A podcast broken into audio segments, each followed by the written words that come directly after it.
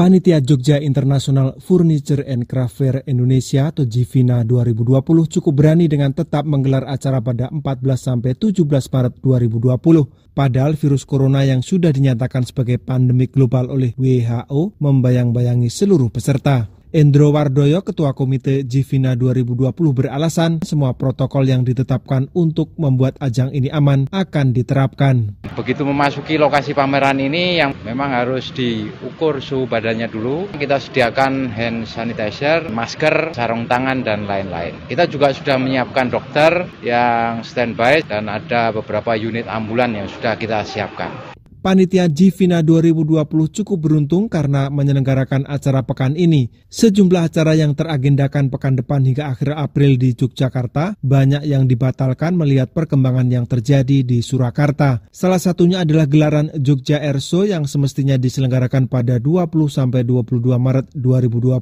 Konser grup musik Sela on Seven pada 17 April 2020 juga diumumkan untuk ditunda setidaknya sampai bulan Juni. Mulai Senin, hampir seluruh perguruan tinggi besar di Yogyakarta memutuskan untuk menutup kelas mereka. Salah satunya adalah Universitas Negeri Yogyakarta. Rektor UNY Sutrisnawi bahwa mengaku keputusan ini diambil antara lain melihat perkembangan wabah virus corona di Surakarta. Sutrisna menetapkan kelas akan diganti secara online hingga 30 April 2020. Kenapa saya ambil 30 April? Karena prediksi berkembangnya corona ini kan 60 hari ke depan dihitung dari awal Maret. Karena itu sampai akhir April mahasiswa supaya uh, kuliahnya dari rumah lewat online.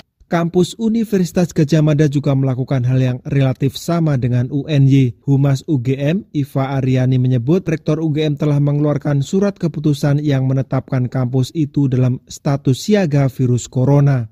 Kemudian juga meniadakan beberapa kegiatan yang melibatkan banyak orang dan mobilisasi massa untuk saat ini kita hentikan dulu Universitas Islam Negeri Sunan Kalijaga Yogyakarta juga menerapkan kebijakan serupa, sedangkan Universitas Ahmad Dahlan Yogyakarta akan menunda pelaksanaan wisuda yang semestinya digelar pada 21 Maret 2020 untuk sekitar 1.000 mahasiswanya. Dari Yogyakarta, Nur Hadi melaporkan untuk VOA Washington.